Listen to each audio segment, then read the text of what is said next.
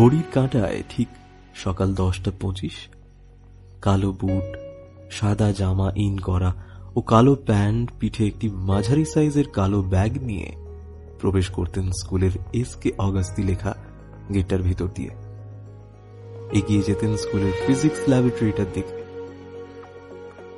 Bag থেকে কাঠের দরজার চাবিটা বের করে রুমটা খুলে ব্যাগটা টেবিলে রেখে কয়েক মিনিট বসে শটান চলে যেতেন স্টাফ রুমে একজন আদর্শ শিক্ষকের যে সমস্ত গুণাবলী থাকা উচিত, সেই সমস্ত গুণাবলীর প্রত্যেকটি ওনার মধ্যে ছিল। জ্ঞান ছিল অগাধ।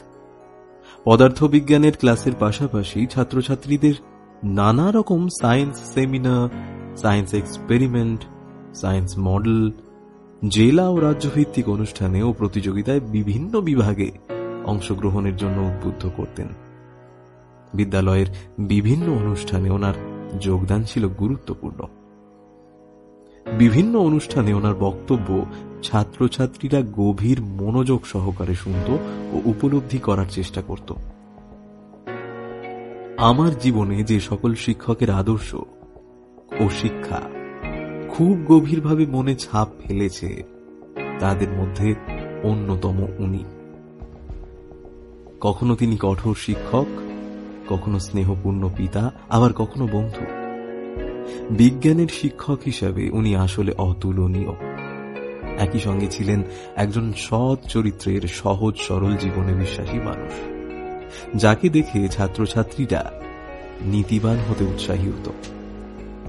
কোনো কোনো মানুষ শুধু মনের বন্ধ জানলা খুলে আলোর পথই দেখান না। জীবনের প্রতিটি ক্ষেত্রে সেই আলোতেই দাগ ফেলে চলতে শেখান। তাকে ভালোবেসেছিলাম সেদিন, যেদিন আমার বোধগুলো জাগতে শুরু করেছিল। জীবনে কি পেলাম এটা নিয়ে না ভেবে ভাবতে শিখিয়েছিলেন এই ছোট্ট জীবনে মানুষের জন্য কি করতে পারলাম তা। স্যার, জানেন, অনেকেই বলেছিলেন যে আপনি নাকি ট্রান্সফার নিয়ে নিচ্ছেন, কিন্তু কিন্তু কখনো বিশ্বাস করিনি কথাটা। যখন সত্যি দেখলাম, তখন ভাবলাম, এটা হয়তো ভুল খবর, কিন্তু কিন্তু না, স্যার। আমি ভুল ছিলাম।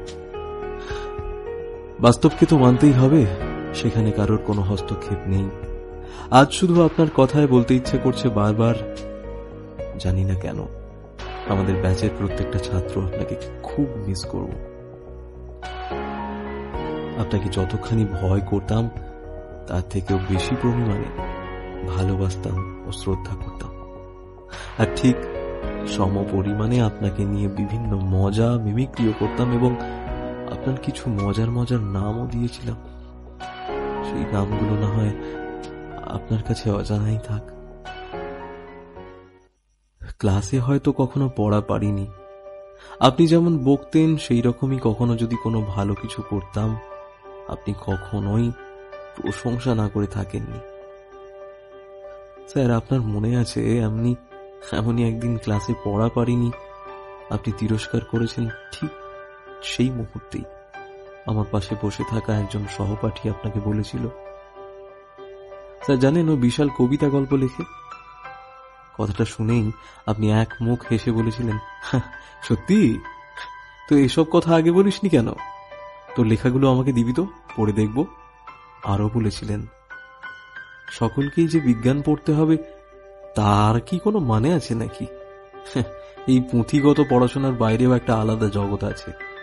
সেই জগতেও নিষ্ঠা দিয়ে ভালোবেসে কাজ করলে সাফল্য পাওয়া যায়। আজও আপনার এই কথাগুলো কানে বাজে। স্কুলের কোনো অনুষ্ঠানে যখন বক্তৃতা দিতাম, তখন আড়ালে ডেকে হালকা করে পিঠ চাপড়ে দিয়ে বলতেন, খুব ভালো বলেছিস। কোথাও জেলা স্তরে বা রাজ্য স্তরে প্রতিযোগিতা হলে সবার আগে আমাকে বলতেন অংশগ্রহণ করেছি, ও সাফল্যও পেয়েছি।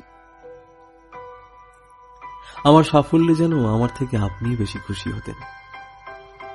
আপনার কথাতেই স্কুলের বিভিন্ন সায়েন্স এক্সিবিশন, মডেল কম্পিটিশন, সেমিনারে অংশগ্রহণ করেছি। আপনাকে স্কুল জীবনের বাইরেও ব্যক্তিগতভাবে যেরকম ভাবে দেখেছি, প্রত্যেকবারই মনে হয়েছে একজন স্পষ্টবাদী, প্রতিবাদী মানুষ যে কারোর পরোয়া করে না। যে কোনো অন্যায় অবিচারে আপনি সর্বদা গলা তুলেছেন।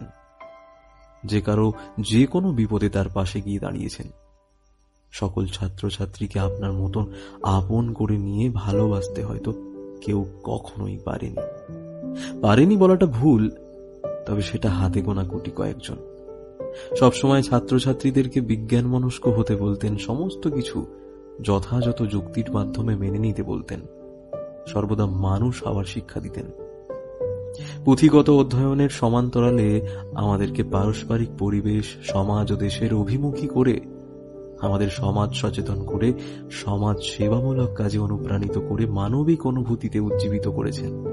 কারণ আপনি বিশ্বাস করতেন, শিক্ষার্থী সামাজিকতা শিক্ষার সঙ্গে সমাজপ্রাণ হয়ে সেবা ধর্মে ব্রতী হোক, এও হলো এক কাঙ্ক্ষিত লক্ষ্য। আপনাকে যত দেখতাম, ততই অবাক হতাম। আর হয়তো কখনো যদি কোনো কারণে স্কুলে যাই, আপনার অভাব অনুভব করব, স্যার। আর হয়তো সেই রকম ভাবে দেখা হবে না।